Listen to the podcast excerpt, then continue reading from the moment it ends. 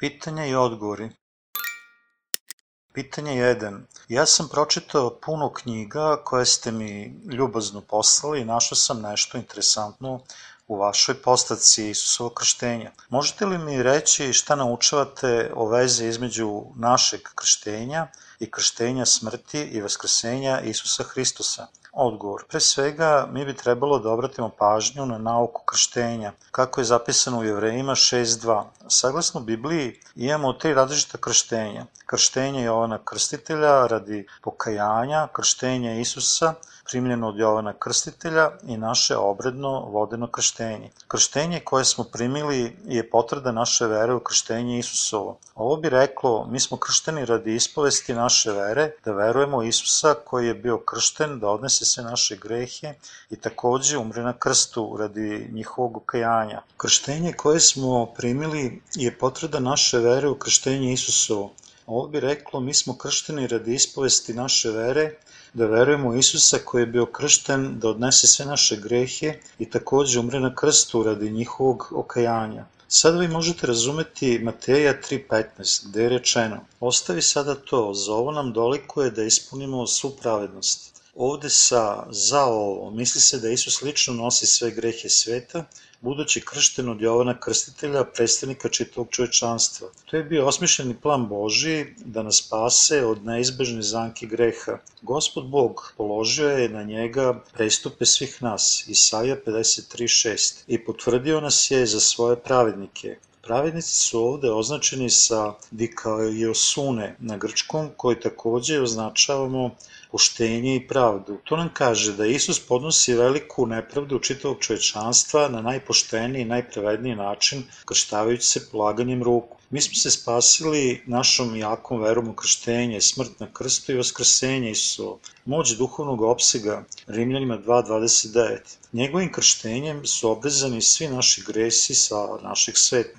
Njegovim krštenjem su obrezani svi naši gresi sa našeg srca, oprani gresi u našem srcu. Zato apostol Petar kaže narodu, pokajte se i neka se svako krsti u ime Isusa Hrista za otkupljenje grehova i tada će primiti dar Svetog Duha. Dela 2.38 na dan Pentakosta. Svi grešnici dobijaju oprošte od grehova u svojim srcima, verom u ime Isusovo. Kako je značenje njegovog imena? Ti ćeš njemu dati ime Isus, jer će on spasiti sav narod od njegovog greha. Matej 1.21 Ime Isus znači spasitelj koji je spasio svoj narod od svih njegovih grehova. Kako je on spasio nas od svih naših grehova? Isus nas je spasao od svih naših grehova kroz njegovo krštenje i smrt na krstu. Kada su apostoli Isusa Hrista propovedali evanđelje, oni su osigurali jasno razumevanje krštenja Isusovog i krsta. Stoga su naučavali istinsko evanđelje i krštavali bi oni koji veruju to. Saglasno tome, mi smo kršteni da bi se izjasnili da verujemo u krštenje i smrt Isusovu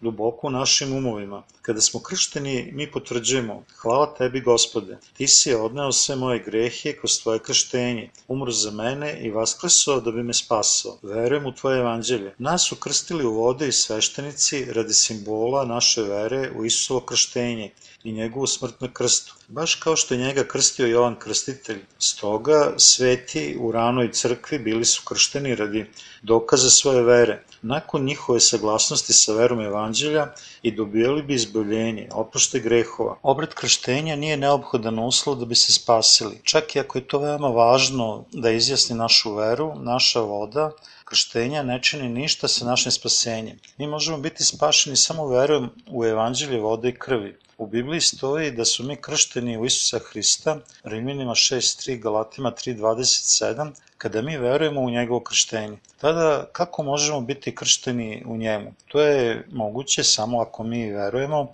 u njegovo krštenje od tela naše stare ličnosti, da bi bili ujedinjeni sa Isusom i raspeti sa njime samo kroz našu veru u njegovo krštenje. Prema tome, od kada je Isus ponovao sve naše grehe svojim krštenjem, njegova smrt je bila osuda za naše prestupe. Prema tome, mi takođe umiremo na krstu s njim. Drugačije, naše tela kojim činimo samo greh do smrti, umiru radi greha i mi smo spašeni od svih prestupa u jedinstvu sa Isusom kroz njegovo krštenje. Zato onaj koji je ujedinjen sa Isusom kroz njegovo krštenje i smrt može takođe biti ujedinjen s njegovim vaskrsenjem. Njegovo vaskrsenje nije samo naše vaskrsenje i smrtnog greha, već nas takođe vodi da budemo iznova rođeni i posvećena deca Božja, koja su čista i bezgrešna pred njim. Ako smo mi prenali naše grehe na njega, e, sumnjom u njegovo krštenje, njegova smrt i vaskrsenje mogu izgubiti smisao, ne čineći ništa s našim spasenjem. Oni koji stavljaju svoje grehove na njega svojom verom su ujedinjeni sa njegovom smrću na krstu, osposobljeni da se rode iznova kao pravednici. Međutim, oni nisu položili svoje grehe na njega, budući da ne veruju u njegovo krštenje. Nemaju bilo kakve veze sa njegovom smrti i vaskrsenjem. Krštenje vernika je poverljivo, baš kao što možemo priznati vernike kao legalne supružnike kroz obred venčanja. Krštenje svetih je spoljna objava onog što se veruje iznutra. Kada mi objavljujemo našu veru kroz njegovo krštenje u krst pred Bogom, svetima i svetom, naša vera postaje više bezuslovna. Bez razumevanja istinskog značenja krštenja koje je Isus primio od Jovana Krstitelja, mi ne bi trebalo da verujemo da se možemo spasiti ako ne verujemo njegovo krštenje i samo značenje. To je jednostavno zanka đavola. Mi možemo i da primimo izbavljenje od grehova i da budemo dobrodošli u nebesa istinskom verom u krštenje Isusa u našim srcima, umesto da verujemo u svoje lično poštenje. Pitanje 2. Kako mogu reći ja sam pravedan kada grešim svaki dan? Odgovor. Mi kao ljudska bića činimo grehe svakog trenutka, od kad smo rođeni pa sve do smrti. Kao činjenica da smo obavezani u osnovi naše prirode, mi grešimo od početka. Zato Biblija kaže, jer nema pravednog, ne, niti jednog. Rimljanima 3.10. Zato apostol Pavle ispoveda pred Bogom da istinita je reč i svakog primanja dostojna da Hristos Isus dođe na svet da spase grešnike učenike, od kojih sam prvi ja, 1. Timoteju 1.15. A sada bez zakona javi se pravda Božija, posvedočena od zakona i od proroka, a pravda Božija verom Isusa Hrista, u sve i na sve koji veruju, jer nema razlike. Jer svi sagrešiše i izgubiše slavu Božiju i opravdaće se za badava, blagodaću njegovom, otkupom Isusa Hrista. Rimljanima 3, 21 do 24. Pod pravednošću Božijom misli se na Jovana krstitelja koji je krstio Isusa u Jordanu. Kada je on bio kršten, on reče Jovanu, Ostavi sad, jer tako nam treba ispuniti svaku pravdu. Matej 3.15 On je ponao greh sveta na najispravniji i najpravedniji način, onda kad je Jovan Krstitelj, predstavnik čitavog čovečanstva, krstio Isusa.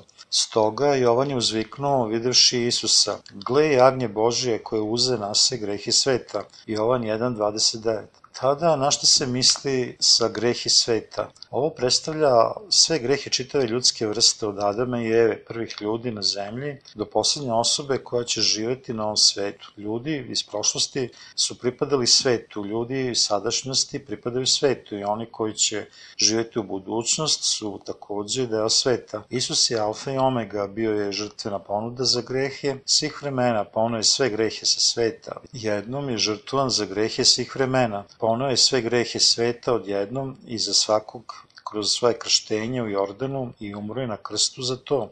Mi smo ovim posvećeni. Biblija jasno definiše po kojoj smo volje mi osvećeni. Prinosom tela Isusa Hrista jednom, jevrejima 10.10. 10. Primećujemo da je ovo zapisano u prošlo sadašnjem vremenu. Mi smo bili posvećeni potpuno i nemamo greha. Od trenutka kada poverujemo u Boga do sada i tako zaovek. Gospod koji je svemoćni Bog ima oko Sokolova od početka do kraja sveta. Iako je bilo prošlo oko 2000 godina od kada je on bio kršten, od kada je odnos sav greh ljudskih bića, počinjenog od početka do kraja sveta. Stoga, pre nego što je umro na krstu, on je rekao, završi se. Jovan 19.30.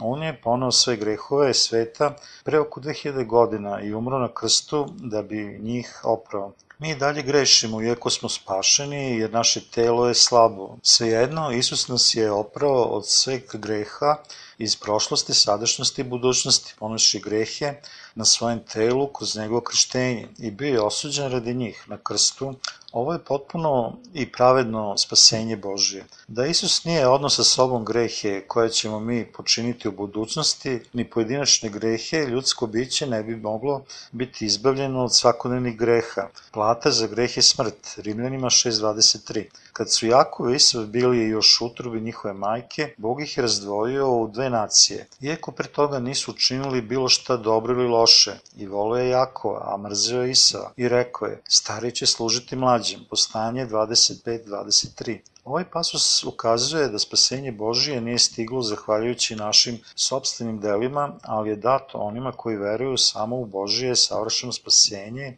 njegovim krštenjem i raspećem. Mi ljudska bića predodređeni smo za pakao kao grešna bića od trenutka našeg rođenja do momenta kada umremo, ali Bog je predvideo naše grehe od početka, oprao je sve grehe jednom i za svagda pomoću Isusova krštenja i krsta, jer On nas voli. Mi živimo u blagoslovenju blagosloveno vreme. Prorok Isaija je rekao, govorite Jerusalimu ljubazno i javljajte mu da se navršio rok njegov, da mu se bezakonje oprostilo, jer je primio iz ruki gospodnje dvojinom za sve grehe svoje. Istaja 42. Vreme našeg spasenja od greha završava se kroz evanđelje i su krštenje i krsta, Stoga, ovako ko veruje u evanđelje može biti oslobođen od svih njegovih njenih grehova. Ovo je zavet koji će učiniti sa njima posle ovih dana, govori gospod.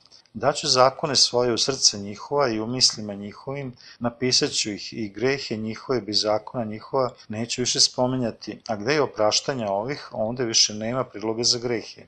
Jevrejima 10, 16 18. Bog nas nije osudio na svakodnevne grehe, jer je On već oprao sve grehe čovečanstva i presudio im je kroz Isusa. Kao rezultat mi možemo čekati na dolazak gospoda i slediti reč, kao pravednost bez greha, iako mi i dalje činimo grehove u našim životima. Pitanje 3. Šta je krštenje okajanja pomoću Jovana? Odgovor. Jovan Krstitelj je bio sluga Božiji, koji je rođen šest meseci pre Isusa i bio je prorečen u Malahiji koji je poslednji prorok u Starom Zavetu. Napišite zakon Mojsija, sluge mog, kome zapovedih na Horivu, za svega Izraelja uredbe i zakone. Evo ja ću vam poslati Iliju proroka pre nego dođe veliki i strašni dan gospodnji i on će obratiti srce otaca k sinovima i srce k sinova k srcima njihovim, da ne dođem i zatren zemlju. Malahija 4, 4 do 6. Kad Isus bio rođen, ljudi Izraela nisu poštovali reči Božijeg saveza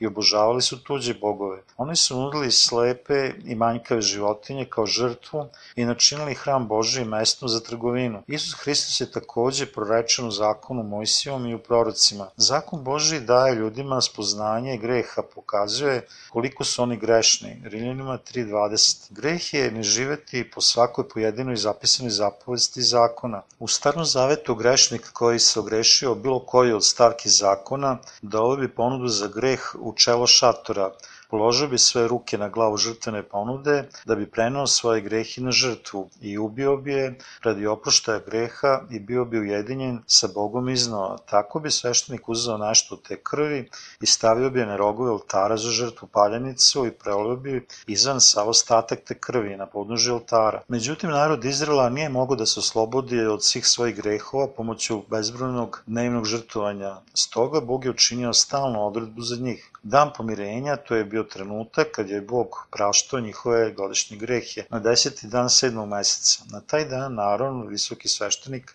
uzao bi dva jarca i bacio bi kocke za njih. Jedan je bio za gospoda, a drugi bi se odveo u pustinju. Tada bi on položio svoje ruke na glavu jarca za gospoda i položio bi godišnje grehe naroda Izrela na žrtvenu životinju. Aron bi zaklo jarca i uzeo njegovu krv da poprska sedam puta čelnu stranu svetilišta. Kada bi završio kajanje za svetinju, on bi ponudio ostale životinje. On bi polagao svoje ruke na glavu živog jarca i ispovedio bi nad njim godišnje grehe Izrela. Na ovaj način svi njihovi godišnji gresi bi prešli na jarca i on bi bio poslat napolje u divljinu, vođen odgovarajućim čovekom. Izraelci bi bili izbavljeni od svojih godišnjih grehova na ovaj način. Ipak, žrtvena ponuda, saglasno zakonu Starog Zaveta, nije bila savršena jer se prenosila neprestano iz godine u godinu.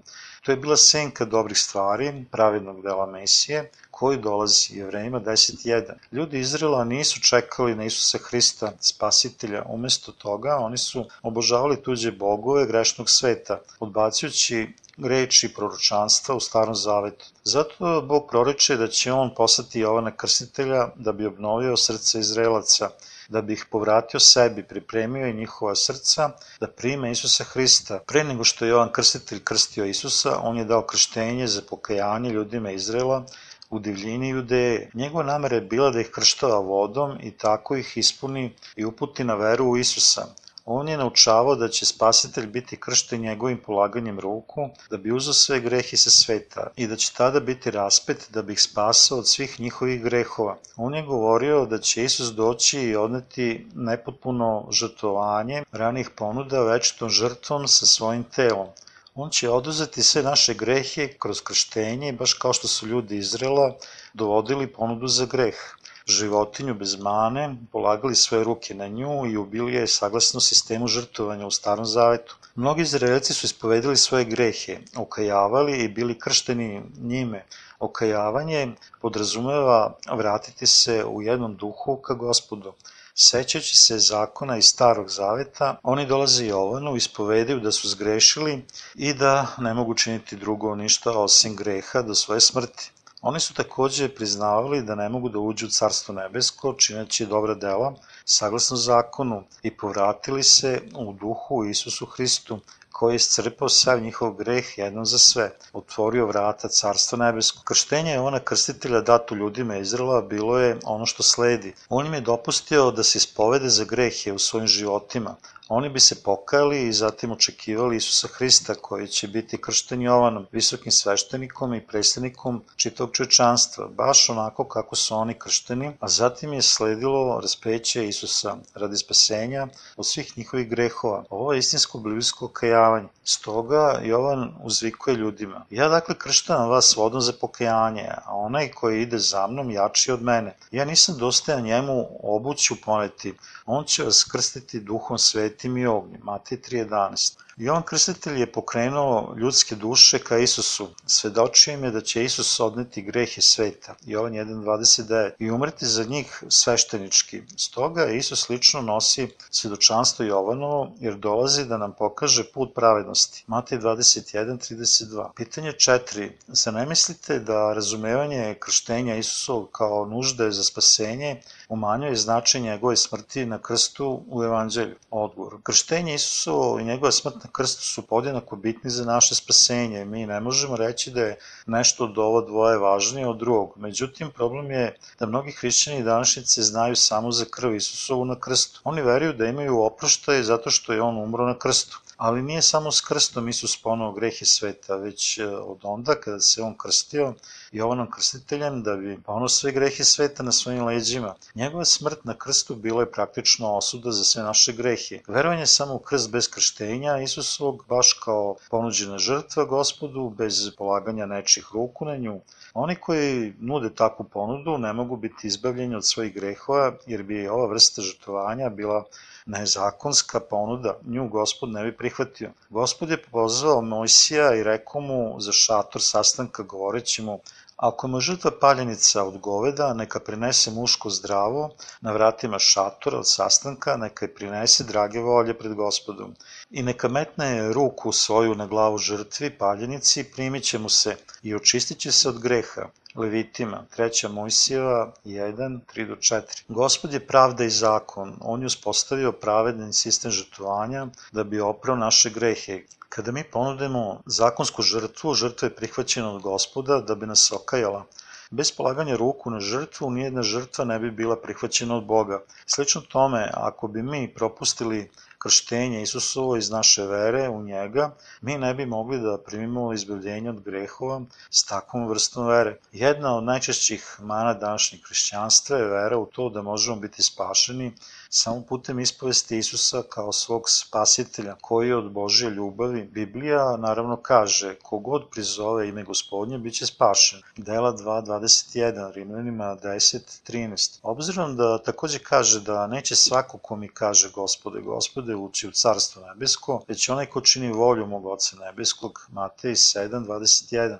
Da bi ispovedali Isusa kao spasitelja, mi bi trebalo da znamo zakon spasenja koji je Bog uspostavio. Ako mi možemo biti spašeni jednostavno putem vere u ime Isusa, ne bi bilo nikakvog razloga da u pismu bude opisan sistem žrtvovanja iz Starog Zaveta i praktikovanje bezakonja u Mateju 7.21. Kako bilo čudesni i savršeni put Božeg spasenja je jasno zapisano u Bibliji. Zaista, mi možemo jasno shvatiti iz Levita 3 i 4 da grešnici moraju da polože svoje ruke na glavu žrtve, da bi preneli grehe na njenu glavu i tada je ubili i poškropili njenom krvlju mesto ponude za pomirenje. Ponuda žrtve bez polaganja ruku na ponudu žrtve, bez mane, nije zakonski da bi dobili okajanje.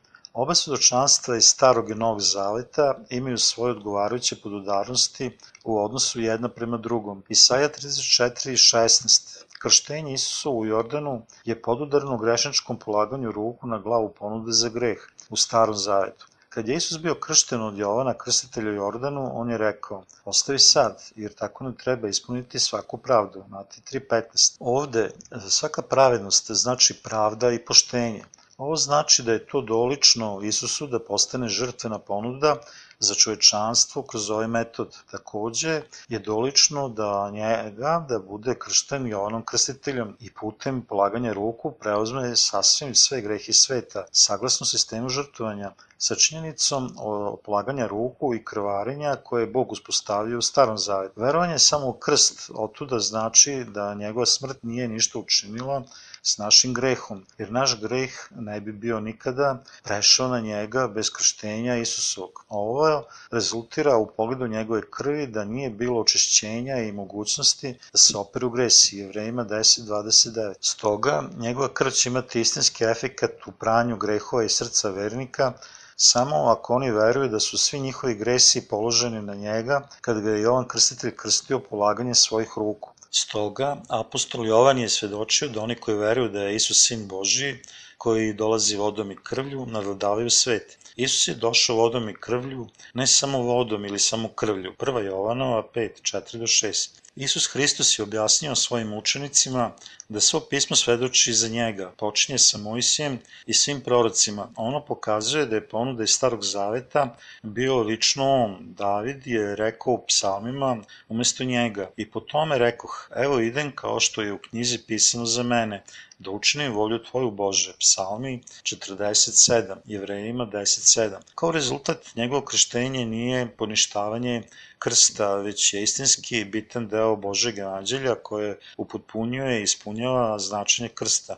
To nas takođe uči da mi ne možemo biti izbavljeni bez krštenja i dragocene krvi Isusa Hrista, što podrazumeva da ćete biti spašeni od greha verom u krštenje Isusovo i u njegovu krv na krstu i da ćete tada primiti dar Svetog Duha. 1. Jovanova 5.8, dela 2, 38. Pitanje 5. Možete li mi dati objašnjenje Evanđelja vode duha? Odgovor. Ako bi izgubili iglu negde napolje, mi bi verovatno nju tražili u prostoru gde smo izgubili. Međutim, potpuno neobično zvuči da igla bude van kuće, jednostavno zato što se koristi unutar kuće. Ja sam pronašao neke neobične ljude iz današnje crkve. Oni bi se lako uposlili sred beskonačnih biblijskih nesporazuma u vezi vodenog krštenja, ali se oni nikad ne upitaju koliko je to važno pitanje. Zašto je Isus bio kršten Jovanom krstiteljem? Zbog takvih težnji nastale su mnoge denominacije i sekte u današnjem hrišćanskom društvu da bi ostavili sve neprestane kontroverze, mi ćemo izići iz tog haotičnog sela i vratiti se na mesto gde smo izgubili našu iglu. Ako mi iskreno želimo da nađemo istinu, mi bi trebalo da se oslobodimo stereotipa zbog kojeg mi ne možemo naći istinu u religijskom poselu. Zašto su apostoli stavili toliko mnogo akcenta na krštenje Isusa Hrista? Tajna istina evanđelja vode i duha primljene od Isusa propoveda se celom svetu. Isus je rekao, zaista, zaista ti kažem, ako se ko ne rodi vodom i duhom, ne može ući u carstvo Božije. Jovan 3.5 Biblija nam govori da je Isus došao vodom i krvlju da bi nas spasao od svih naših grehova. 1. Jovanova 5.6. Značenje krvi je njegova smrt na krstu. Tada šta podrazumavaš pod vodom? Zašto je Jovan Krstitelj krstio Isusa? Šta je on objavljivao? Ostavi sad, jer tako nam treba ispuniti svaku pravdu. Matej 3.15. Baš pre njegovo krštenje. Ja se iskreno nadam da ti razumeš i veruješ evanđelje vode duha, naročito ukrštenje Isusovo. Ovde je neki kofer objašnjenja evanđelja vode i duha koji je on dao svojim učenicima.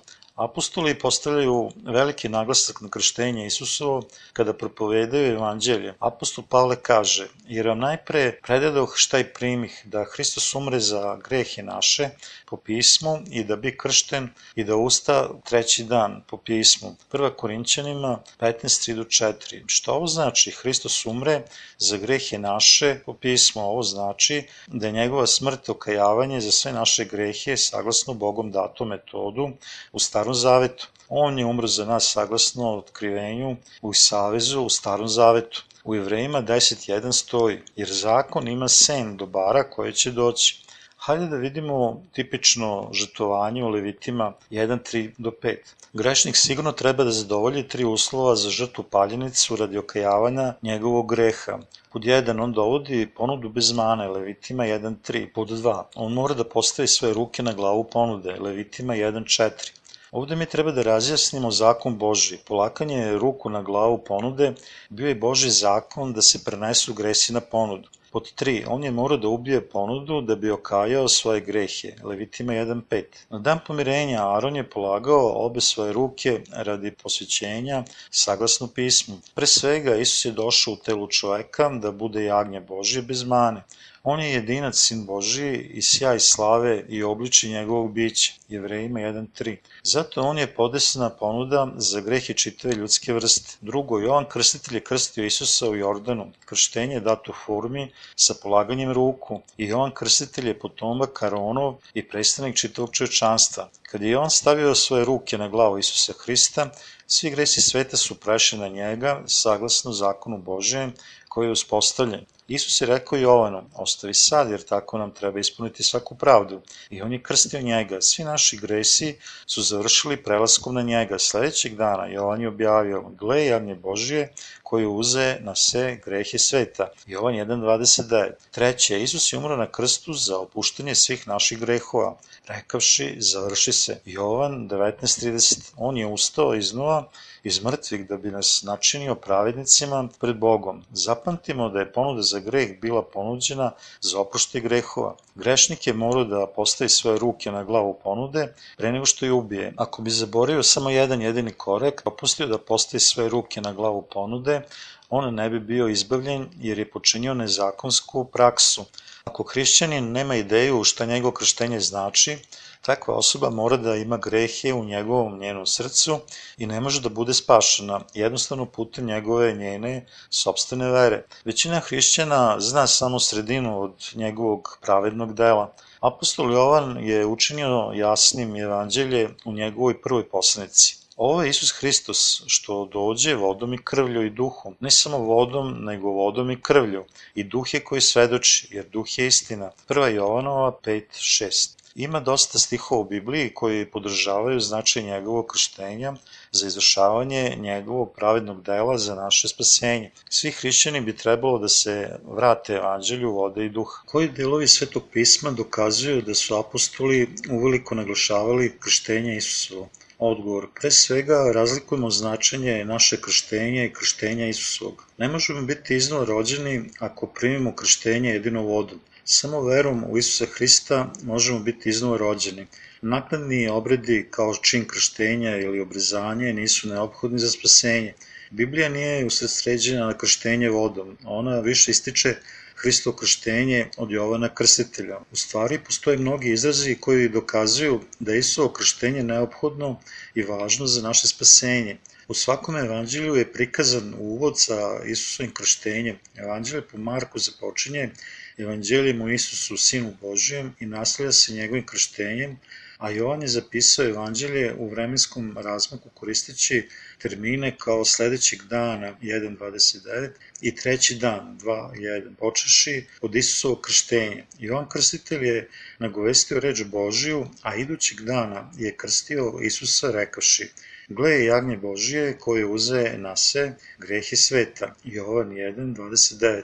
Ovaj pasus znači da su svi gresi sveta položeni na njega kad je kršten od Jovana. Zatim on je umro na krstu radi okajanja naših grehova rekaši završi se. Jovan 19.30 i ustao je iz mrtvih treći dan. Apostol Pavle je takođe rekao, Hristos umre za grehe naše po pismu, 1. Korinćanima 15.3. Pismo ovde upućuje na stari zavet, kako grešnik može primiti žrtvu i dobiti oproštenje. Treba da stavi svoje ruke na glavu žrtve, ako bi izostavio taj važan deo obreda, ne bi mogo da primi oproštenje jer je prinao nezakonitu žrtvu. Apostol Pavle rekao, ili ne znate da svi koji se krsti smo u Isusa Hrista, u smrt njegovu krsti smo se. Rimljanima 6.3. Onda kako je moguće da smo kršteni u Isusa? Biti kršten u Hristusa znači verovati u njegovo krštenje u Jordanu a ne samo naše krštenje. Kada verujemo u činjenicu da je Jovan Krstitelj položio sve ruke na njega prilikom njegovog krštenja,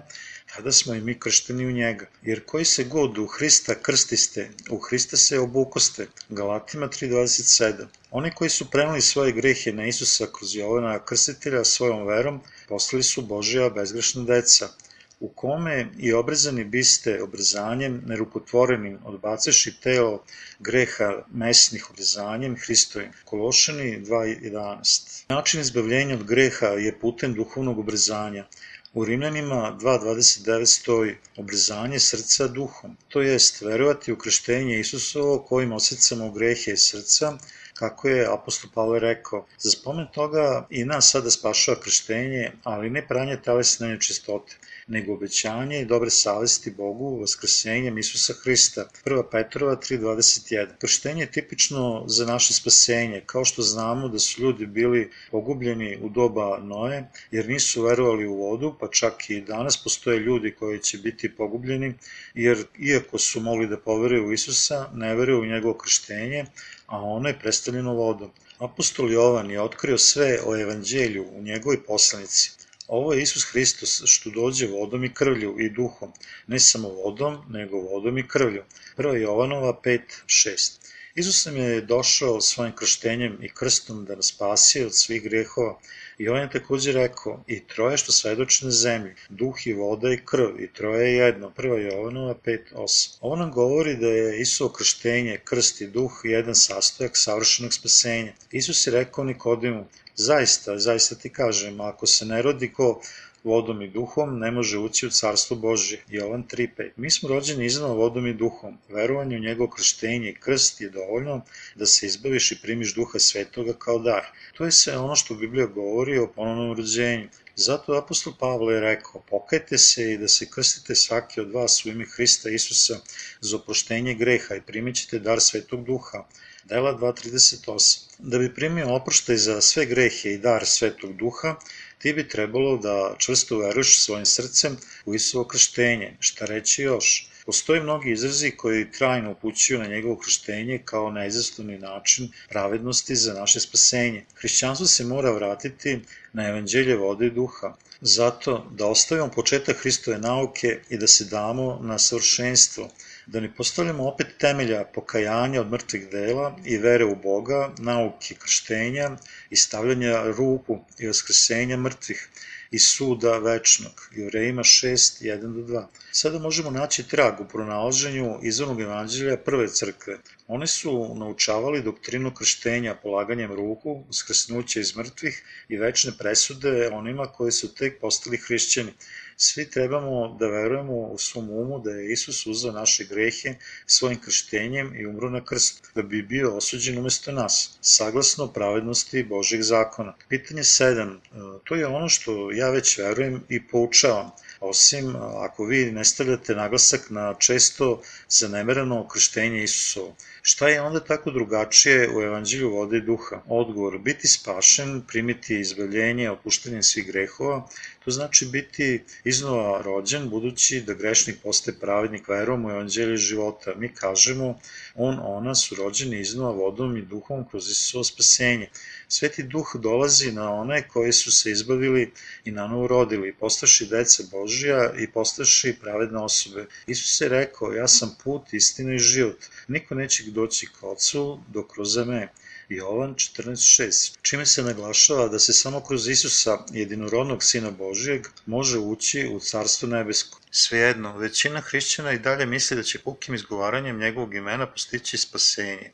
Veruju Isusa, a i da ne otvore svoje Biblije. Ne znaju za ono što je Isus učinio za naše grehe. Bog je duh i svet u kojem nema senke i promene, a mi još uvijek grešno živimo. Ući u Carstvo nebesko moguće je samo putem Isusa u kojeg možemo verovati verom, u zakon duha koji uživljava u Hristu. Rimljanima 8, 1 do 2. Mnogi ljudi čak i ne znaju šta je Isus učinio po pitanju spasenja, već slepo veruju u njega, govoreći gospode, gospode. Oni takođe misle da su spašeni, ali još uvek imaju greh u srcu. Ako još uvek imaš greh u srcu uprko sveri u Isusa, od čega si onda spašen?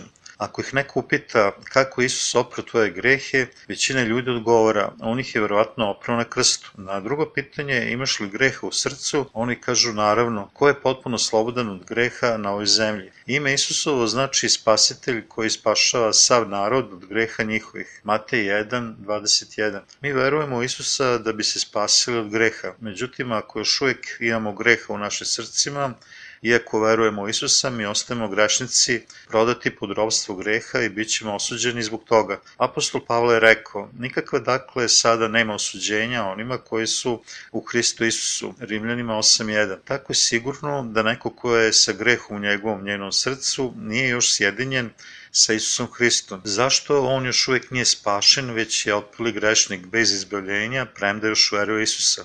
To je zato što veruje samo u krv bez polaganja svojih greha na njega, kroz krštenje Isusa. Stoga oni dalje imaju greha u svojim srcima. Budući da je Isus umro na krstu bez obzira na njihove grehe. Postoji značajna razlika između hrišćana koji veruju u Isusovo krštenje i neverevanje u njega. Neki su se izbavili i opravdali kroz veru u Isusovo krštenje, dok su drugi ostali u grehu bez vere u njega. Sveti duh nije sišao na grešnika, on silaze samo na pravednika koji se izbavio vodom i duhom. Zato apostol Pavle kaže, ili ne znate da svi koji se krsti smo u Isusa Hrista, U smrt njegovu krsti smo se, Rimljanima 6.3. Mnogi veruju da Isus naše grehe uzeo na krstu, ali nikad ne možemo priznati da nema greha u srcu ako ne verujemo u Isusovo krštenje. Ako ipak verujemo drugačije, krivi smo jer lažemo Boga i grešimo protiv sobstvene savesti. Mi sigurno i dalje grešimo u našem srcu ako sve naše grehe ne prenesemo na Isusa verom u njegovo krštenje. Za one koji ne veruju u evanđelje krštenja Isusovog i krst, oni su predati padu u legalizam i bit će veliki grešnici. Stoga nije važno šta oni rade poput molitve duboko u planinama ili mole se za oproštaj u molitvenim salama, još uvek nalaze preostali greh u svojim srcima. Isus je rekao, neće svaki koji mi govori, gospode, gospode, ući u carstvo nebesko, no koji čini po volji oca mojeg koji je na nebesima. Mnogi će reći meni u onaj dan, gospode, gospode, nismo li mi u tvoje ime prorokovali, tvojim imenom đavola izgonili, tvojim imenom čuda, čuda mnoga tvorili, I tada ću im ja kazati, nikad vas nisam znao, idite od mene koji činite bezakonje. Matej 7, 21 do 23. Na koga se ovo koji činite bezakonje odnosi? Ovo se odnosi na one koji nisu primili savršeno izbavljenje u svoja srca jer su verovali samo u krst. Mi smo zlotvori ako ne verujemo učenicu da nas je Isus spasao svojim krštenjem na krstu. Ne možemo reći da ispravno verujemo ako ne znamo za Isusovo krštenje i krst. Isus je rekao da onaj ko želi da bude iznova rođen može biti samo kroz vodu i duha. Kao što su mnogi mogli da budu izbavljeni od potopa, da su ušli u nojnu barku i ti možeš imati izbavljenje, oprošte od svih grehova i življenje istinskog života pere samo ako veruješ u evanđelje vode i duha. Bez evanđelja vode duha ne možeš primiti oproštenje grehova, niti postati Božje dete. Pitanje 8. Ja sam siguran da me vera u Isusa spasila. Imam mir i puzdanje u srcu, ali sada sam zbunjen vašim propovedima. Trebalo bi da verujem u njegovo krštenje i njegov krst da bih se spaseo. Odgovor. Ako ti ne veruješ u Isuo krštenje, sigurno imaš greh u srcu. Apostol Jovan je rekao, ako kažemo da greha nemamo, sebe varamo i istine nema u nama. Prva Jovanova 1.8 Ako kaže da nemaš greha, iako ga još uvek imaš, jer ne veruješ u Isuo krštenje, to je čin protiv tvoje savesti i istine u tebi nema. Sigurnost spasenja izlazi kroz ostvarenje oproštenja greha i primanje duha svetog, kao dar kroz veru u Isuo krštenje i krst. Apostol Pavle je rekao, drugačije evanđelje koje nije drugo, Galati 1.7. Ništa drugo osim evanđelja vode i duha apostoli nisu primili od Isusa i povedili su kako nas samo ono može spasiti od svih grehova. Ako mi ne verujemo u evanđelje vode i duha koje su apostoli propovedali, mi sigurno i dalje imamo greh u nama. Kako možemo imati sigurnost spasenja ako je greh još uvek u nama? Kada uzorno živimo pred Bogom, sigurni smo da imamo radost i sigurnost spasenja u sebi, ali te sigurnosti nemamo i bojimo se kada je breme greha u našim srcima, kad zgrešimo. Tako spasenje je izgrađeno na našim osjećanjima i mislima, ali Bog ne podržava. Spasenje koje je postavljeno po nečoj volji postupno postaje osvećenjem u potrazi oproštenja greha svakog dana. Oni koji veraju u takvu lažu spasenje misle da će biti spašeni jednog dana ako se održe u svetom življenju, svakodnevno tražeći oproštenje greha, držeći se zakona i dobrim delima. Oni su ipak još uvijek grešnici ako ne izlože svoje grehe na Isusa putem vere i njegovo krštenje. Spasenje koje je Bog dao jeste savršeno i ono pokazuje da Isus uzao sve grehe sveta svojim krštenjem, krstivši se Jovanom krstiteljem u Jordanu da bi uništio greh na krstu.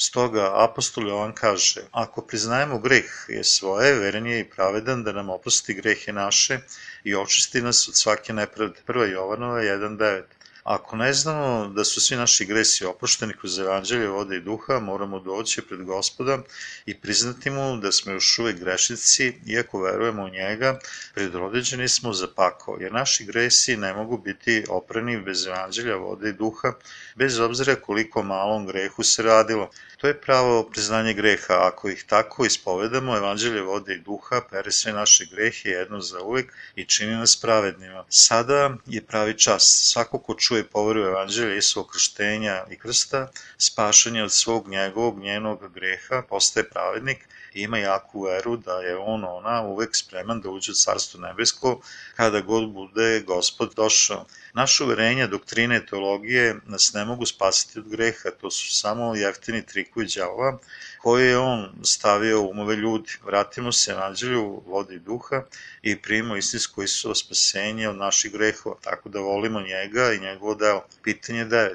Ako je vaše razumevanje vode i duha ispravno, tada razbojnik na krstu nije spašen. Ako bi tog razbojnika smatrali izuzetkom od pravila, tada Bog nije pravedan jer je prekršio sobstveno pravilo za ulazak u Carstvo nebesko. Kako možete objasniti spasenje razbojnika na krstu? Odgovor, u to vreme svi jevreji su iščekivali dolazak prorečenog Mesije. Stoga oni su znali veoma dobro zakon i obredni sistem žrtvovanja koji im je Bog dao preko Mojsija. Verovali su da će Mesija doći u skladu sa Božim zakonom i osloboditi ih greha. Međutim, nisu verovali u činjenicu da je Isusovo krštenje preko Jovana Krstitelja bilo od Boga i da je polaganjem ruku sav greh sveta bio prenet na Isusa. Marko 11, 27 do 33. Već radnije oni su prihvatili njega kao čoveka koji je zavodio ljude na pogrešan put i predali ga za raspeće. Obzirom da Rimljani nisu smeli da budu ubičeni ili raspenjani na krst jer ih je štitio rimski zakon, dela 22, 25 do 29, 23, 27. Po tome znamo da razbojnici nisu bili rimljani nego evreji. Takođe znamo da se jedan od tih razbojnika plašio Boga jer je rekao opomeni me se gospode kad dođeš u carstvo tvoje. Luka 23.42 Razbojnik je poznavao zakon Boži i obredni sistem koji je Bog dao Mojsiju. Tako je on znao da će Mesija doći u skladu sa zakonom Božeg okajavanja. Oni koji dolaze Bogu moraju priznati da su grešnici, određeni da idu u pakao za svoje grehe.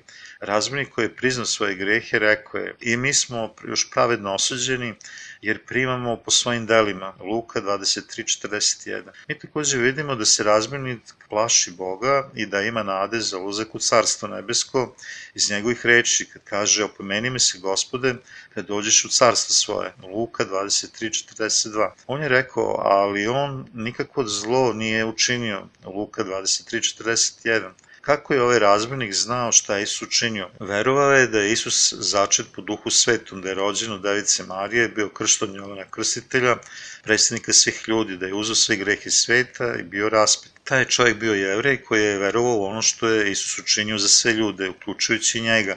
Čak i ako je on bio raspet da bi primio kaznu za njegova dela na zemlji. To su oni koji priznaju svoje grehe pri krštenju, kojim je Jovan svedočio za Božiju pravdu, čuši da su svi njihovi gresi prešli na Isusa njegovim krštenjem. Međutim, oni koji nisu prihvatili Jovanovo krštenje, pokajanja, odbacili su volju Božiju jer nisu verovali u svoje krštenje. Luka 7, 28 do 30. Naprotiv, razmenik koji je postao spašen priznao je da su sva Isusova dela bila dobra i pravedna, dok drugi to nije učinio. On je morao biti jedan od jevreja koji je čuo sve te stvari kojim je bio ispunjen među njima, Luka 1.1. On je mogao na kraju da kaže da je Isus bio pravednik i prorokovani Mesija, jer je na kraju poverovao na krstu da Isus odnosi sve njegove grehe kroz svoje krštenje. Saglasno tome bio je spašen. On je takođe bio čovek koji je verovao u evanđelje vode i duha zbog toga što je Bog pravedan. On je opravdao one koji veruju u Isuo krštenje i krst saglasno njegovom zakonu sa duhom života. Pitanje 10. Budući da je Bog milostiv i saosećajan, zar nas ne bi mogao prihvatiti kao pravedne ako verujemo u Isusa premda imamo grehe u srcu? Odgovor. Bog je ljubav, ali takođe i pravedan, budući da je takav, on mora da osudi greh, jer je plata za greh smrt. Rimljanima 6.23.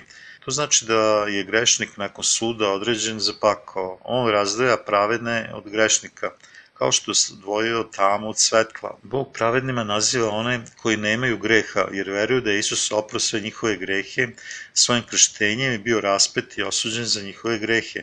Međutim, svi oni još uvijek imaju greha, jer ne veruju u Isuo krštenje. Grešnici su pred Bogom. To su oni koji ne veruju u vodu, drugim rečima, u Isuo krštenje, kao što to nisu verovali ljudi u nojno vreme. Ako bi Bog takve koji imaju greh u srcu smatrao pravednima i bezgrešnima, onda bi bio lažao, ne bi mogao da sudi ili vlada svojim stvorenjima. On je rekao, neću opravdati bezbožnika, postanak druga Mojsija 23.7.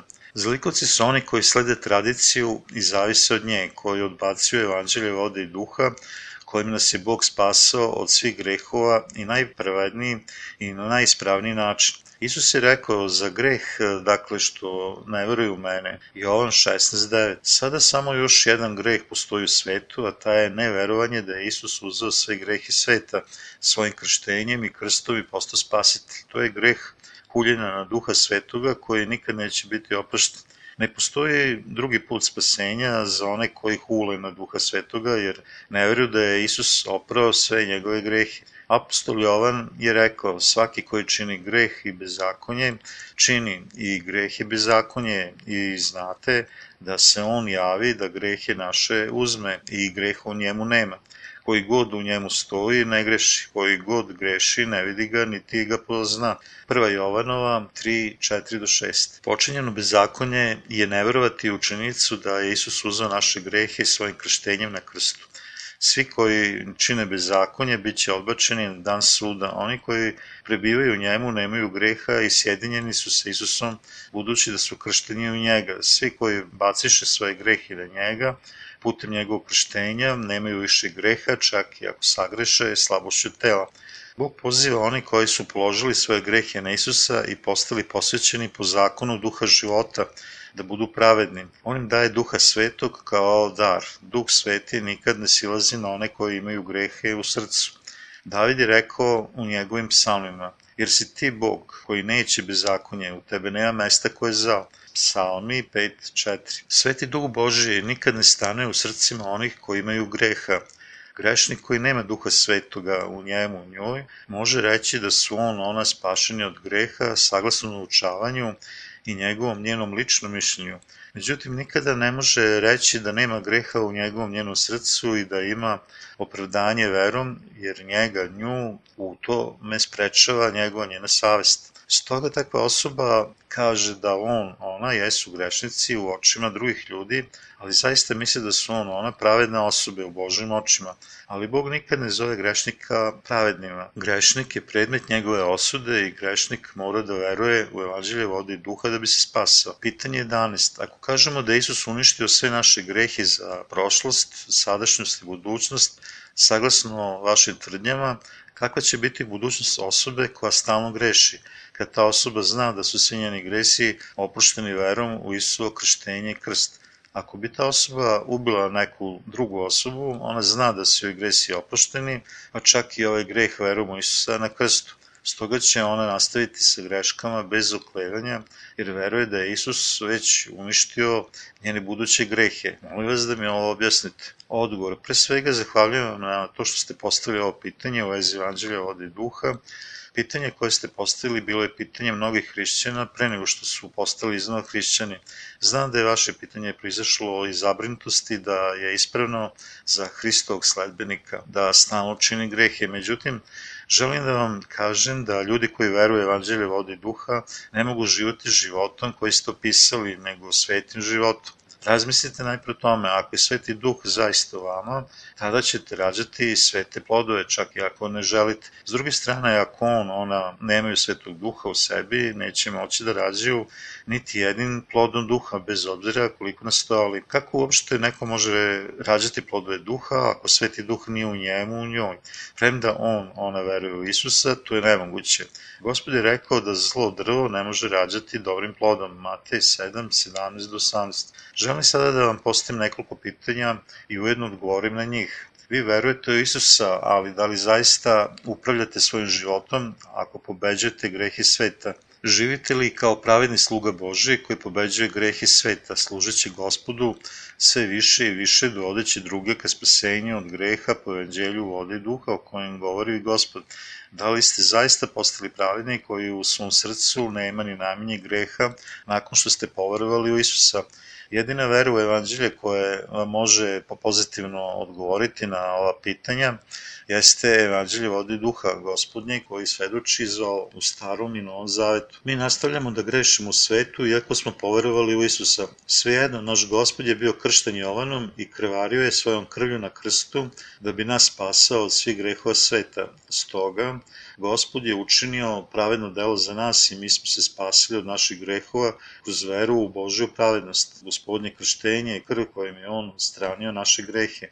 Želim da vas pitam nešto iznova, da li je vaša savest slobodna od greha? Jeste li dalje grešnik iako ste poverili Isusa? Ako je to istina, onda je to zbog toga što vratno niste znali za evanđelje vodi duha, zato ste upali u probleme i propast e, nerazdvojivo od tela, jer nemate svom srcu. Čak i ako ste iskreni vernik, vi možete pobeći mislima i delima tela, praznaći svoje srce tako što prihvatate evanđelje vodi duha vi ćete sigurno izbeći svoje zle misli i vratiti se pisanoj reči Boga da bi shvatili činjenicu da je evanđelje vodi duha istina. Mnogi ljudi u ovom svetu koji promene zakon spasenja koje je gospod uspostavio nečim drugim čime žele, iako ispoveduju Boga svojim ustanom. Ako ste jedan od ove vrste ljudi, gospod će vas odbaciti poslednjeg dana. Ja se nadam da se to neće desiti nikome na svetu.